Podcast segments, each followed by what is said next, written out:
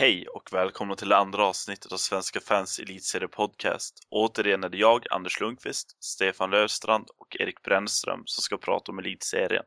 Missade ni det första avsnittet finns det en länk i artikeln. Så, då det är avklarat så går vi in direkt på lockouten som vi pratade om i förra avsnittet. Eh, men som fortfarande har väldigt mycket att bjuda på. Eh, framförallt Modo som då har Alexander Sten att tacka för sina senaste framgångar. Hur viktig har Alexander Sten varit för Modo? Ja, han har varit väldigt viktig för Modo tycker jag för att eh, ser man på hur mycket poäng som han har gjort så, så är det ju självklart att med honom så har hela laget lyft sig och på sätt och vis blir det även en nackdel för dem om han skulle försvinna men eh, han har visat att han betyder väldigt mycket för laget. Ja, absolut. Jag, jag måste erkänna att jag, jag har nog underskattat eh, Stens förmåga. Eh, men det är bara att, att kolla på. Han är ju, har det högsta poängsnittet eh, per match. Eh, nu har han visserligen spelat lite färre matcher än de flesta andra, men eh, det finns ju onekligen en eh, steneffekt i, i Modos eh, klättring i tabellen. Ja, det ser man bara på poängligan. Jag menar, som sagt, han ligger femma nu med 10 poäng och spelar mindre matcher Mm. än, än de andra i poängligan. Och sen att han har lyckats så bra i sin kedja med, ja, med Sten, Nagy och, eh, och eh, Müller. Eh, jag menar, det är förmodligen elitseriens bästa kedja, kedja just nu. Redan första matchen så visar de ju framgång. Jag tittade ju inte personligen på matchen men utav det man fick eh, intentioner eller reflektioner från Radiosportens eh, kommentarer så, eller kommentatorer så sa de att det här ser riktigt bra ut redan från start och det är väldigt unikt att få till en sån där eh, utveckling eh, från spelare. Ibland kan det dröja tre till fem matcher innan man hittar varandra men de här har verkar klickat på en gång. Ja, verkligen. Ja, alltså som sagt, jag vet inte, jag hade nog också underskattat, underskattat Alexander. Eh, att han bara kan gå in sådär och börja prestera direkt är liksom. Och då hade han fortfarande egentligen lite tyngre i början om inte minns helt fel. Så jag menar, han måste ju ha ett ganska sjukt poängsnitt de senaste matcherna. Han har väl knappt gått poänglös på, på ett par matcher nu. Han gjorde ju, han gjorde ju minst, han gjorde ju ett mål mot Färjestad igår och innan dess hade han väl gjort ungefär, jag vet inte vad snittet ligger på ungefär men vad jag har räknat på så ligger han ju kring ett mål och en assist per match innan igår. Mm. Det är väldigt hög status på honom just nu i alla fall även om många fans har visat väldigt negativa reflektioner kring eh, själva värvningen av honom till Modo Hockey. Ja, eller för att vara lite mer specifik, liksom inte värvningen av just Alexander Sten utan värvningen av en NHL-spelare Precis. är det egentligen som var problemet. Eh, Mm. Men man, kan- man kan ju kolla här bara eh, på, på hans poängskörd. Han, eh, han kom in mot Brynäs för vad är det, två veckor sedan ungefär. Va? Mm. Eh, och då, då blir det noll poäng. Men jag menar, sen dess så har det tre poäng, tre poäng, två poäng, en poäng, en poäng. Så eh, onekligen att det gick eh, fort för honom att, komma igång. Sen är frågan om man bara just nu är inne i väldigt, väldigt bra form eller om det här kommer bestå hela serien. För gör det det och lockouten varar säsongen ut, vilket jag personligen tror att den kommer att göra, så är ju plötsligt Modo väldigt farliga. Tror du den kommer eh, vara hela säsongen? Jag tror det, jo, det gör Ja, det. okej. Eh, Ja, men det är väl ett helt annat ämne egentligen, men eh, de är ju så långt ifrån varandra i förhandlingarna så att min, min, eh, min tro är att det, det kommer att vara. Ja, jag kan ju sticka in lite där och säga att jag håller med Anders på den biten just för att de eh, sitter så, sär, eh, så brett isär som de gör. Eh, sen om Modo lyckas få in lite fler spelare, det var ju tal om Tobias Enström men det verkade, den elden verkade ha släckts rätt så tidigt. Dock finns det ju fler spelare som man kan plocka in och om, om de har råd så kommer de att göra det och då kan man verkligen räkna med att Modo verkligen blir giftigare än vad man redan är och ser man på deras dagsform det kan ju faktiskt komma, man kommer riktigt långt med, med en sådan eh, framfart som man har haft. Det är ganska kul att du sa det här om eh, eh, den ekonomiska biten. Det får mig att tänka på Frölundas värvning av eh, Matt Duchene. Mm. Eh, då, då de faktiskt gick ut och sa att de inte har löst den ekonomiska biten. Ja, det är helt sjukt. Det är rätt så sjukt för att man presenterade ändå honom som spelare i laget igår, igår kväll. Ja, precis. Det var ju, förhoppningen var väl att han skulle kunna spela igår, men det vart ju inte så. Nej, jag väl- trodde ju det också. Mm. Man, ärligt talat, man varit lite besviken för man trodde ju faktiskt att när man värvar en spelare så ska de komma så fort som möjligt och just den ekonomiska biten är det som krånglar då ja, man, man skrattar lite lätt åt det för att det är som sagt den stora biten i det hela som är problemet. Jag tycker det känns som-. Det känns bara som en lekstuga nu, liksom att de, jag menar Frölunda som kanske har de sämsta ekonomiska förutsättningarna nästan nu. Jag menar de har otroligt mycket back. Eh, De, ja, det, jag fattar inte hur de kan göra en sån värvning. Det är, Nej, Hade, hade jag varit Frölunda-supporter så hade jag hade definitivt varit orolig över ekonomin. ja, alltså, jag, ja, jag förstår verkligen. Och jag menar, ja, de får ju hoppas att Matt Duchene leder dem till framgångar. Det är ju onekligen en väldigt bra spelare. Han var draftad trea tror jag i första rundan. Eh, så jag menar, det, är- det är ingen dussinlirare de har värvat in här. Det är ju bara i, vad är det, två månader då? Ja, två månader. eh, Men, skadad. men knappast eh, en dussinspelare som du säger. Han har ju kommit till ett lag som inte haft den lättaste perioden i NHL. Colorado flyter lite på den framgången kring Landeskog eh, som ska spela för Djurgården i Allsvenskan nu. Och Ja, jag tycker ju inte att, även om Duchene är en duktig spelare, det säger jag inte att han, att han inte är, utan kommer man till NHL så är man bra. Men han är ingen dussinspelare. Jag, jag tvivlar på att han ens kan ersätta Olimb i, i det här fallet, för att det, det tar en stund att komma in, om man inte är Alexander Sten då, om man får säga så. Då tar det en stund att komma in i elitserien. Vi kollar jag kollade på Victor Hedman i fjol i VM. Jag menar ärligt talat, folk tyckte att han var så bra. Jag tyckte han var sämst på isen. Jag höll, höjde inte hans status något högre efter den, den turneringen. Det tar en stund att komma in på elitserienivå faktiskt. Ja, i, I fallet Sten så han, han har ju ändå spelat på stor rink. Det är frågan om, om Duchene någonsin har gjort det. Men i vilket fall, alltså jag tror att Matt Duchene kan komma in och passa, gå in ganska fort och ta en stor roll. Jag menar det är en väldigt eh, spelskicklig, alltså han har mycket bra klubbteknik och det kommer bara gynnas av att ha en stor is. Eh, jag vet att direkt jag läste det, jag, vi- jag visste vem det var men jag visste inte så mycket om honom. Så jag sökte lite grann på Youtube, då fick man upp den där läckra, det där läckra målet, jag vet inte om man har sett det. Nej, jag, Jag tror jag, jag tror jag har sett det och det är, det är väldigt läckert. Det är. Ja, det är ett av de snyggare målen jag har sett faktiskt. Men eh, jag, jag, jag håller ju på mitt. Jag, jag tror inte han kommer göra någon stor då. då. Två månader. Eh, jag vet inte vad skulle det kosta för honom att förlänga ännu mer om lockouten fortsätter? Eller Ja, sticker, han, faktiskt. eller sticker han utomlands då? Jag har inte sett några siffror på, på vad, hans, vad det kostar för Frölunda.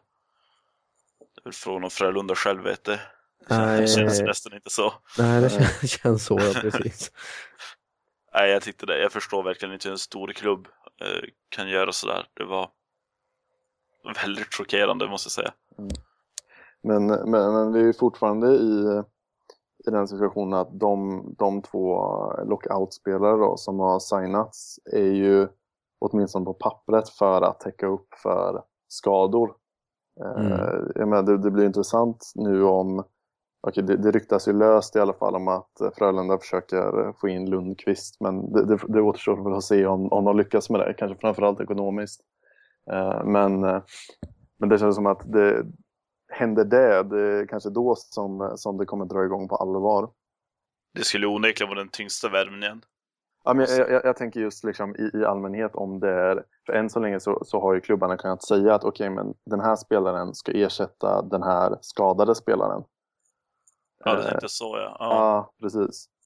Eh, och, och på så sätt så förhåller de sig ju enligt dem själva väl inför eh, hockeyligans regler. För då, man får väl skriva korttidskontrakt för att täcka upp för skador.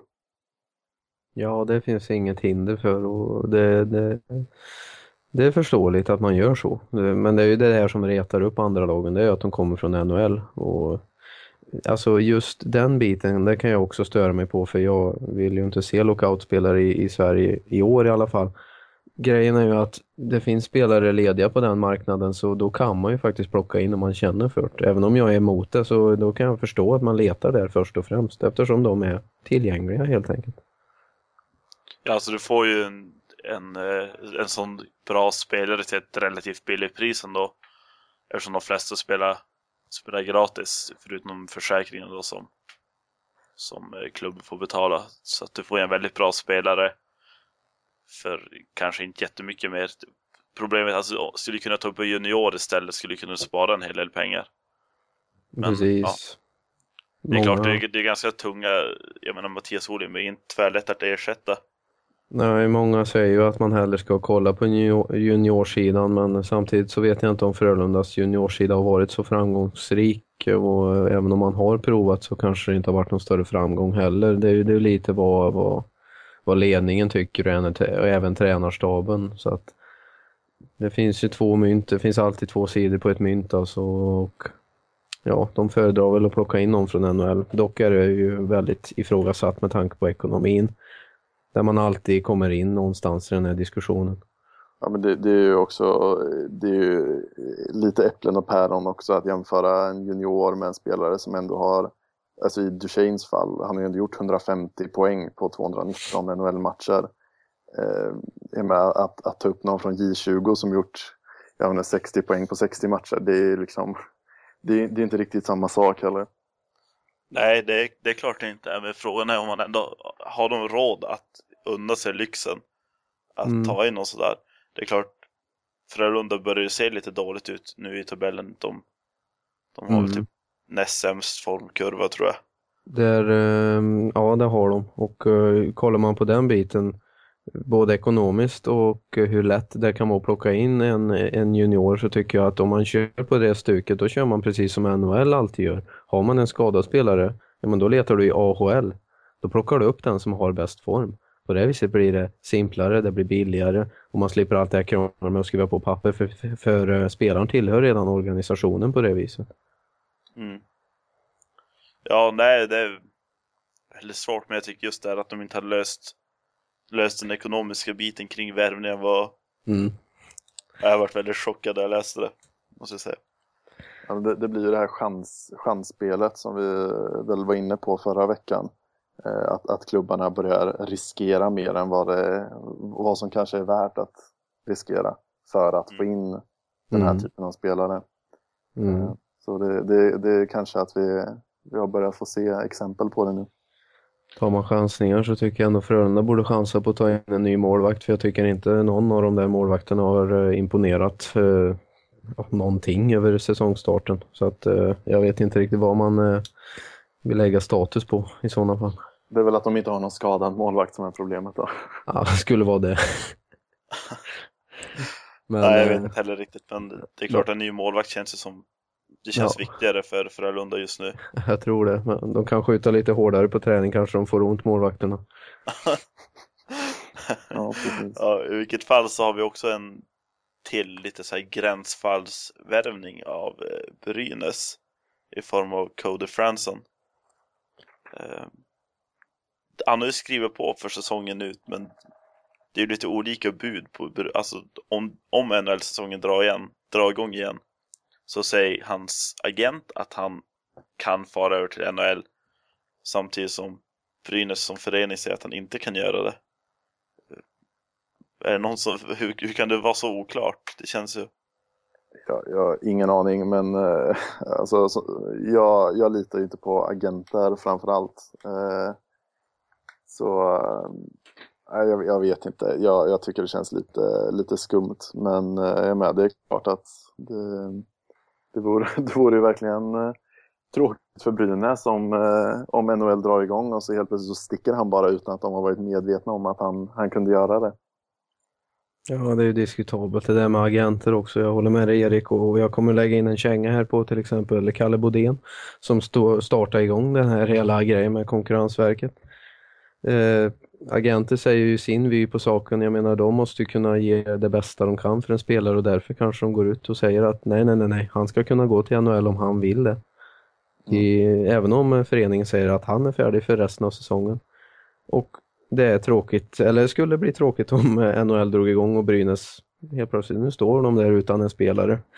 Dock tror jag att Brynäs kommer inte gråta floder för det för att de har ett väldigt bra lag och man ligger rätt bra till i tabellen trots eh, att man har valt att plocka in eh, Cody Fransson som är en väldigt eh, kapabel spelare.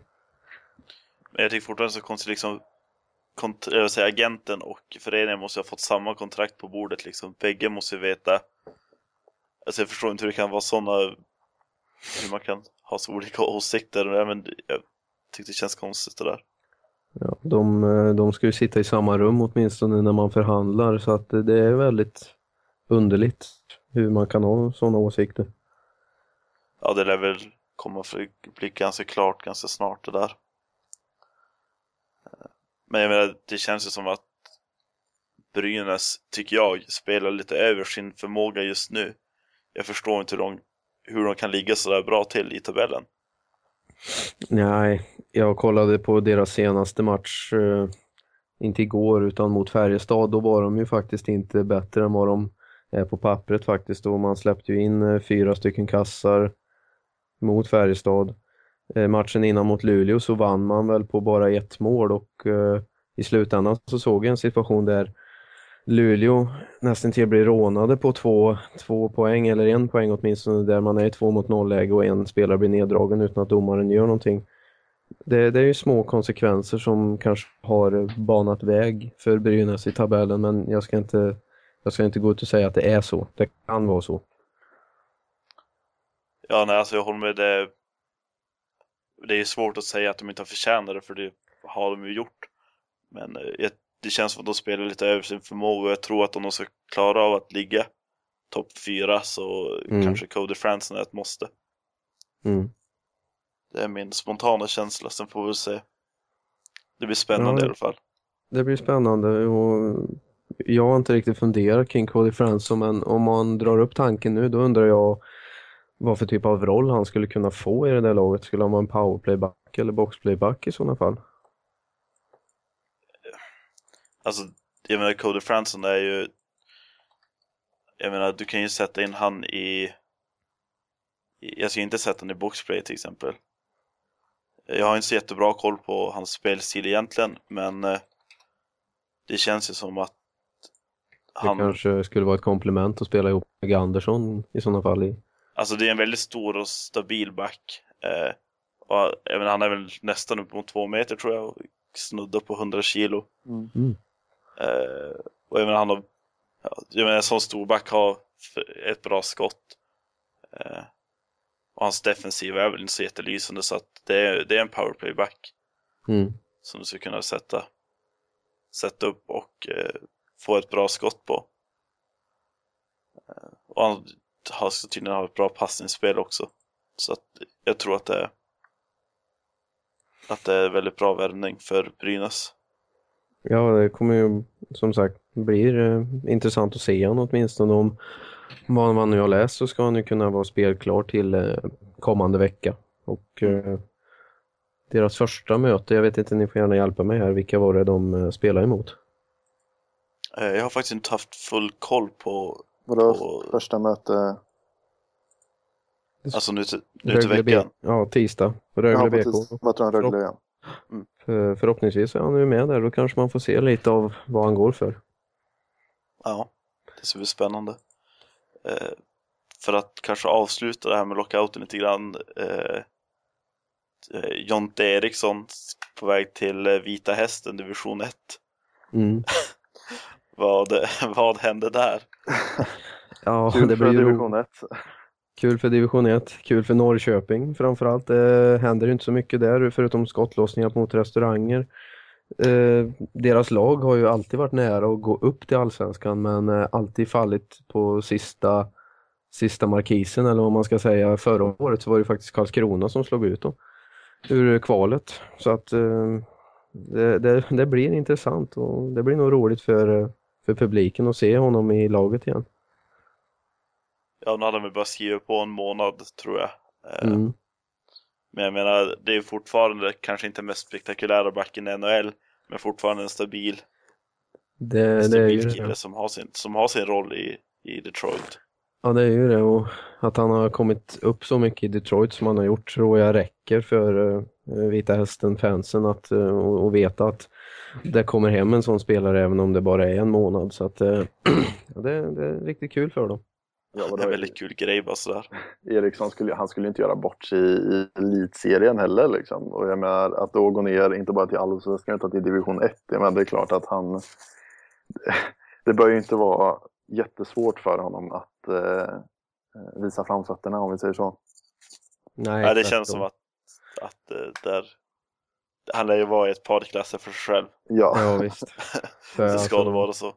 Det, det, det, är nästan ett, det är nästan ett tvång. Det skulle vara det som sätter, sätter press på honom att eh, ja, men jag måste spela efter NHL-kapaciteten för jag är ändå i division 1 nu. Men eh, jag vet inte om sånt rör honom riktigt. Nej, vilket jag tycker det känns, ja det är väldigt kul det där ska jag följa med glädje. Då går vi vidare till en liten koll på tabellen där vi går igenom alla lag nerifrån och uppåt. Och då börjar vi alltså med de som ligger sist, vilket i dagsläget är Växjö. Eh, vad, har, vad, vad, har gått fel för Växjö? Varför ligger de sist i tabellen? Årets krislag så här långt. Helt klart, de har väl en, en trepoängare va? Ja, något sånt. Jag menar, de har minus 16 i plus minus. Ja, åtta poäng på 11 matcher. Det är inte bra, det är inte godkänt överhuvudtaget. Ingenting verkar fungera. Det är bara deras powerplay som är till exempel det är en ren katastrof och målvaktssidan mycket sämre än i fjol. Det är, det är, det är katastroflag.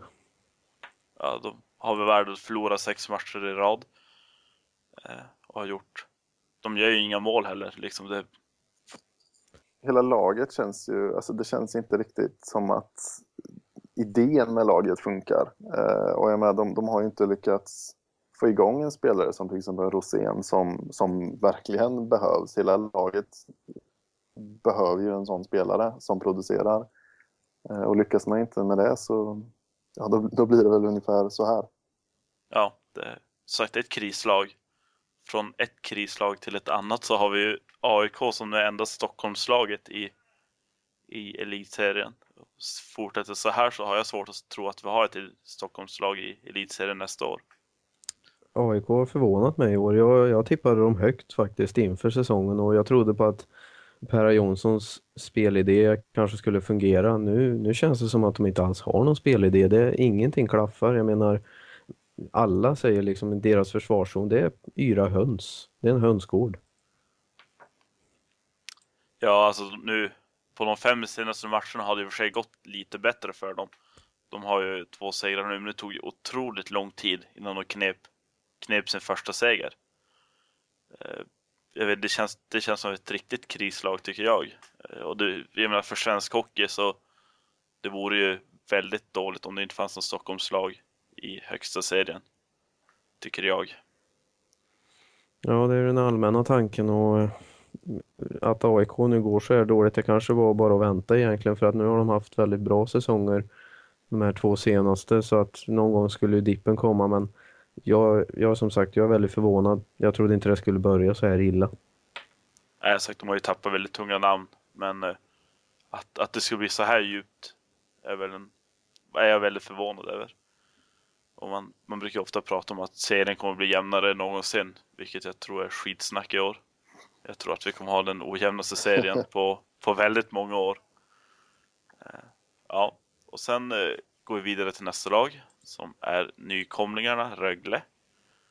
Eh, det är väl svårt att förvänta sig någonting av dem egentligen.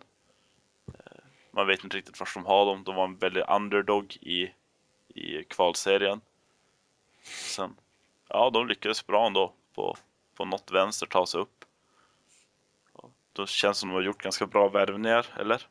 Ja, alltså jag tycker ändå att de har eh, intressanta namn. Eh, alltså de, jag gillar ju Gulden till exempel i Växjö förra året. Eh, nu verkar inte han riktigt kommit igång. Men de har Lasse Kukkonen på backsidan också. Mm. Också mm. spännande, men ja, än så länge så har de inte riktigt fått till det bara. Och sen framförallt, förlåt, jag bara lägga till Gerber då såklart. Ja, det klaffar ju inte. Det, de har inte spelat ihop laget, anser jag. Och även om man har värvat de här starka spelarna så är det flera som inte kanske har presterat efter vad man gjorde i fjol. Uh, Gerber är väl ett typexempel på att han kan åka upp och ner i galden. Han har inte varit sig själv sedan han fick uh, den här knäskadan i Växjö. Mm. Och Lasse Kukkonen, jag, jag har inte så bra koll på honom men jag, jag kan ju säga att jag förväntar ju mycket mer kanske av honom just för att han var så högt uppsatt om man säger så. Han var väldigt positiv påverkan kallar de det. Ja, precis. Jag tänkte också Lasse Kukkonen är ju känns som en riktigt tung värvning som de flesta lag skulle vilja ha säkert.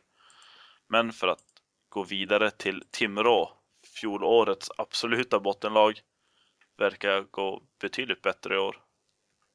Mycket bättre och uh, de har spelat över sin kapacitet anser jag för att uh, jag såg inte någon bättre någon förbättring på deras papper om man säger så för att eh, tränare Montén ett osäkert namn, hade dåligt år med Djurgården. Man har värvat in en skapligt bra målvakt. Man har tagit hem lite hemvändare, bland annat Niklas Nordgren som har varit kanon för Timrå. Och de spelar ju över förväntan numera. Absolut, det som kanske framförallt är värt att nämna är att de har eh, elitseriens bästa powerplay hittills.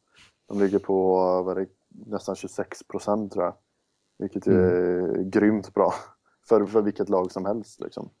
Ja, det är jämförbart med Brynäs powerplay från förra året. Det såg vi hur effektivt det var. Ja, precis. Ja, allting över 25 procent är, ju, är, ju bra. Jag menar, hur kan Timrå hamna så högt? Jag, menar, det, jag förstår inte. Det känns inte som att de var spelarna för det. Nej, jag, jag, jag förstår faktiskt inte heller riktigt. Men, eh, men, men någonting är det som funkar just där. Men eh, jag, vet inte, jag, jag har svårt att se att det ska, ska hålla över hela säsongen. Alltså. Jag tror inte de kommer ligga på 26 procent och slutspel inleds, men jag, jag tror att de kan ta sig till slutspel år, peppar peppar.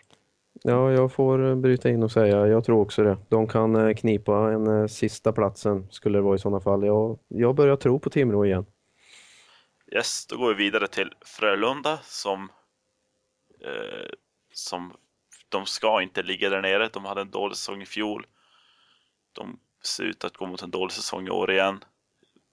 Vad kommer hända? Även att de har så dålig ekonomi också. De har inte råd att vara dåliga. Fast förra säsongen var de ju inte så dåliga, även om man tappade en del i slutet. Just nu så är man ju faktiskt en av de sämre lagen rent formmässigt. Man har bara tre poäng på de fem senaste matcherna och jag vill faktiskt lägga största vikten på försvars- och målvaktsfrågan. Den har inte funkat alls för Mats Grauer eller Kenta Johansson. Det, det är inget, det stämmer inte helt enkelt. Nej, då ska man eh, fortsätta då. Om vi är inne på att Timrå hade det bästa powerplayet så kan vi nämna att Frölundas eh, PP-siffror ligger på 10,53.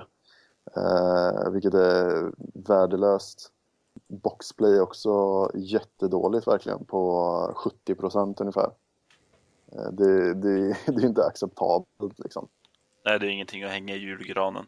Nej. Eh, så att nej, de, jag tror att om Frölunda får en riktigt dålig säsong nu så ja, det kan bli spännande att se hur det funkar ekonomiskt i framtiden. Då kan vi gå vidare till nästa lag som är Linköping där vi kanske har en av de mest spännande spelarna just nu. Som personen är jag väldigt förvånad över att Carl Söderberg led både poäng och skytteligan. Jag vet inte, är det är ni förvånade över det eller är det bara jag?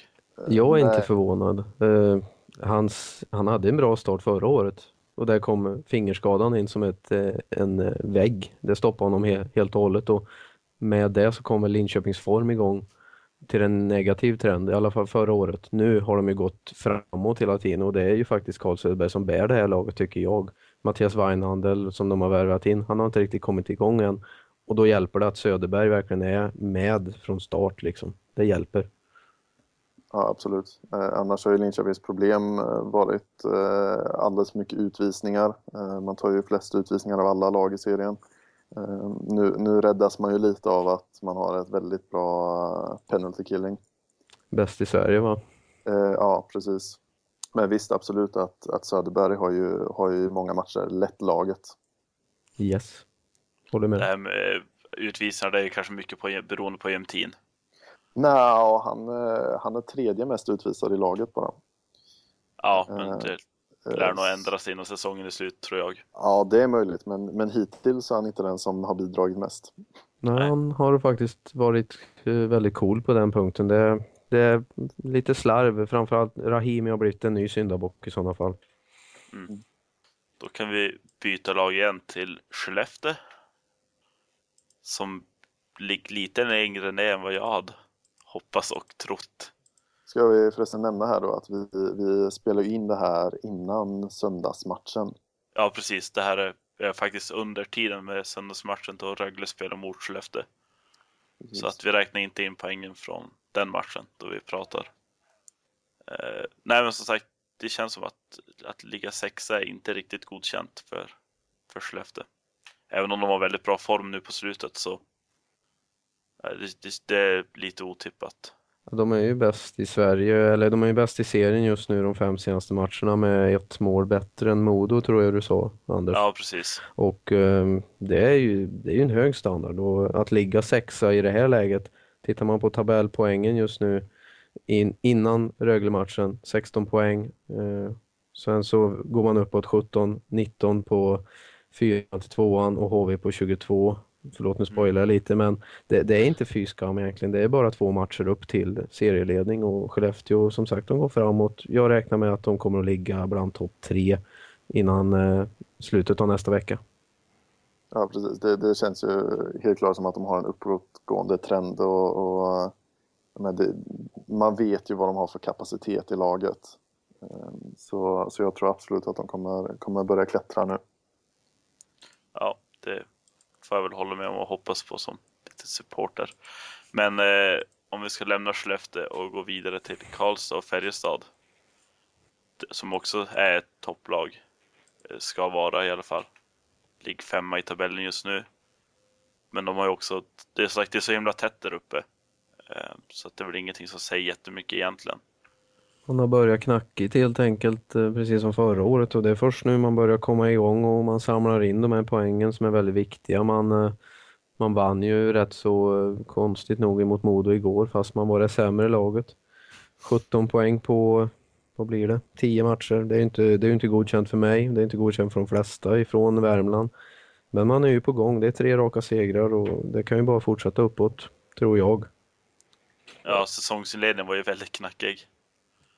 Men är, är inte Färjestads säsongsinledningar alltid knackiga eller? I, i, i fjol var det väldigt det. dålig i alla fall. Traditionell, traditionellt så brukar man faktiskt inte komma igång förrän runt juluppehållet och sen fortsätta efter nyår. Ja, nej, Så, men det, eh, det känns lite så. Ibland så undrar man eh, dels som supporter och dels som skribent varför alla får sån panik för att jag har inte, jag såg ju den här förändringen att det var likt förra året men man kände aldrig någon oro för man visste vad man hade för någonting i laget. Mm. En större trygghet helt enkelt. Då går vi vidare till Modo som verkligen har gått framåt efter Sten kom in i laget. Jag menar, att Modo ligger där uppe är för mig en ganska stor, ganska stor chock faktiskt. Ja, nej, men jag, jag, jag får, jag får hålla med. Och de är ju, dels så är de väl väldigt form, formstarka just nu och eh, de är väl bästa hemmalaget än så länge i serien också. Ehm, så ja, nej, det, det är lite förvånande. Men jag menar, de har ju de har spelat, spelat bra eh, senaste, senaste tiden. De har spelat bra och de är väl i mina ögon det största skrällaget just nu i toppen av tabellen. Man släpper ju ändå in näst mest mål i serien eh, och eh, man har börjat komma igång nu med genom att Starkbaum och, och spelar, eh, spelar upp sin kapacitet samt Stens förmåga att kunna förvandla sin kedja till den bästa i Sverige i elitserien just nu. Mm. Det, det kanske är förvånande för vissa men tittar man på det så är det egentligen klockrent. Det, det är riktigt bra jobb. Det är mycket det också att de är så stabila. De har tagit poängen de senaste nio matcherna. Ja. Det är helt det är otroligt. Men med Sten tycker jag också det är värt att nämna att i och med, i och med att första kedjan har blivit vassare så, så har ju det ändå gett utrymme till även andra kedjan som, eh, som har liksom sett bättre ut tycker jag i alla fall av det, av det jag har sett. Ja, till och med fjärde kedjan har ju ryckt upp sig tycker jag och eh, en kort sammanfattning att de spelade ut Färjestads andra kedja igår under andra perioden och det liksom visar vad mycket en första kedja kan ge intryck. Ja, då går vi vidare till fjolårsvinnarna Brynäs som eh, har kanske haft de tyngsta tappen i elitserien. Så jag vet inte. Det, jag, jag är förvånad över att de ligger så högt upp. Ja, jag, jag hade också tippat dem eh, längre ner, men nu, nu är vi bara tio matcher in i säsongen såklart. Men eh, ja, nej, men det, det är så här lite, de ligger och smyger lite känns det som. I, både i tabellen och i nästan alla statistikformer liksom. De ligger Mm. lite så här mellan trea och sexa på, på allting. Eh, Mm. och jag, men- jag, jag, på pappret så tycker jag inte att laget ser så här fantastiskt ut. Eh, Nej, men jag menar, ta Harju liksom. Han har gjort mål, eller fem, fem mål på fem matcher nu. Och jag menar, det, så jag menar, det, det finns ju ändå kapacitet där, uppenbarligen. Ja, och Harjo är den stora resningen bland eh, Brynäs-spelarna tycker jag samt eh, Jörgen Sundqvist tror jag det är som har smält in några kassar. Det märks ju även dock på den, om man drar på den negativa trenden så ser man ju att Järnkrok inte är rätt spelare att bära upp det laget som många kanske har sagt. Jag tycker ju inte att han, han, han verkar spela under sin egen kapacitet. Ja, Ja. Han är ju inte lika bra som Silverberg. Det, det, är väl, det är väl det egentligen. Och jag tänker att många kanske ser honom som samma spelare, eller samma spelartyp i alla fall. Ja, jag håller med där. Ja, vi går vidare till Luleå som inledde väldigt starkt och har ju en väldigt uttalat bra defensiv. De släpper inte till så himla mycket bakåt. Nej, minst i elitserien. Jag Ja, menar, de, jag är imponerad faktiskt att de fortsätter på samma. Även om de Ja, har värvat in lite offensivare i år. De har ju kommit igång riktigt sen eh, Cam Abbott kom in i laget igen och det, jag tror det faktum att man fick behålla jo, Johan Gustafsson ett år till gjorde väldigt mycket för att eh, David Rautio är en duktig målvakt men han är inte, han är inte rätt ersättare för Johan Gustafsson heller. Sen, sen så tycker jag ändå att man, eh, man har ändå vissa problem. Eller jag, men jag skulle vilja se en spelare som, eh, som Fransson tycker jag inte alls har imponerat. Menar, han är ju väl en sån spelare som man har tänkt bygga, kanske inte bygga laget kring, men i alla fall skriva ett långtidskontrakt med och sådär. Så det, jag, jag tänker att det finns mer att ge fortfarande i Luleå. Offensivt framförallt. Det finns det och där har man ju fått eh, också en bonus i Niklas Olausson som stannade kvar och han eh, gjorde ju inte för länge sedan tre mål i en match och Ja, och Klasen har kommit in. Klasen har kommit in, det har kommit in eh, riktiga powerplay-spelare om man säger så. Jag tror att Rönnqvists taktik blir framåt i år även om man vet att defensiven är eh, lika viktig. Ja, det har ju verkligen ändrats. Jag menar, i fjol var det ju Luleå såg sig som ett väldigt defensivt lag. Mm. Eh, Men med de här värvningarna, det kanske bara gäller att få in spelidén på ett... Det, det är väldiga kontraster jämfört med i fjol. Så att, men, men eh, jag tror absolut att Luleå är starkare i år än i fjol. Mm om en mer seriös utmanare. Och sen kollar vi längst upp i tabellen, där har vi HV71. Eh, kan väl inte säga att jag är förvånad faktiskt. Nej, eh, jag börjar ju gärna på målvaktssidan. Det är ju min favoritposition inom ishockey och man gjorde den bästa värvningen av alla lag där. Gustav Wesslau, han har verkligen bärt upp det här laget. Man har vad är det, åtta segrar på tio matcher och de matcherna har eh, Vessla stått. Eh, deras andra keeper har haft lite tråkiga matcher men HV spelar bra med en bra målvakt. Det märks. Man kan jämföra tid med Stefan Liv, det var likadant då. HV Mm. spelar bra med en bra målvakt. Ja, Vessla har ju 95 procent och är ju, är ju bäst, eh, bäst just nu. Eh, men det är klart att det ger ju en, eh, en stabilitet. Liksom. Det, det blir lättare för backarna om de vet, vet vad de har längst bak. Eh, Ja, Alltså det, det leder till att spelarna vågar spela ut mer. Ja, Man, man har en annan typ av frihet och man vet att man har Vesslan där bak liksom. Mm. Eh, Mm. Nej, så att jag tippade personen inte HV som SM-guldvinnare, men jag börjar nog tro att det kanske är de som tar hem det i år. Ja, jag var ju en av dem som har tippat om SM-guld och även serieseger så att jag, jag fortsätter ju hålla på det för att eh, de spelar som, som de ska ta SM-guld. Det kan ju dock bli en nackdel om man spelar så här bara under serien precis som man har gjort de två senaste åren och sen att det blir skit i slutspelet. Man vet ju inte. Det, det är svårt att säga just nu också. Alla vet ju att i slutspelet kan vad som helst hända. Precis. Det finns inga garantier då. om alla är nöjda där så tänkte jag att vi avrundar avsnittet med topp och flopp som vi gjorde precis som senast. Eh, och min topp, det kommer att vara Modo. Jag menar, de har fått en sten, de har gått som tåget, poäng i nio raka matcher. Det, finns, nej, det är helt otroligt, jag är imponerad. Och min flopp är eh, AIK som eh, jag, vet, jag tyckte det känns så trist att vi inte kommer att ha Stockholmslag i eller att vi, nu ska jag inte säga så, att vi kanske inte kommer att ha Stockholmslag i elitserien för som de spelar nu så så tror jag att det kommer bli tufft att hålla sig kvar om inte Djurgården då går upp såklart. Men eh, ja, det var min topp och flopp. Ja, jag fortsätter. Min topp är eh, serieledarna, HV71. De har gått som tåget och de fortsätter att gå som tåget, även om deras formkurva kanske har svackat lite, men det är ju trots allt senaste matchen var en förlust. Jag tror att de kan vända på det här, för det har de gjort innan dess. Eh, Gustav Wessler spelar bra, alla spelar bra. HV71 är ett lag att räkna med, helt klart. Floppen, den vänder jag mot Göteborg och Frölunda HC.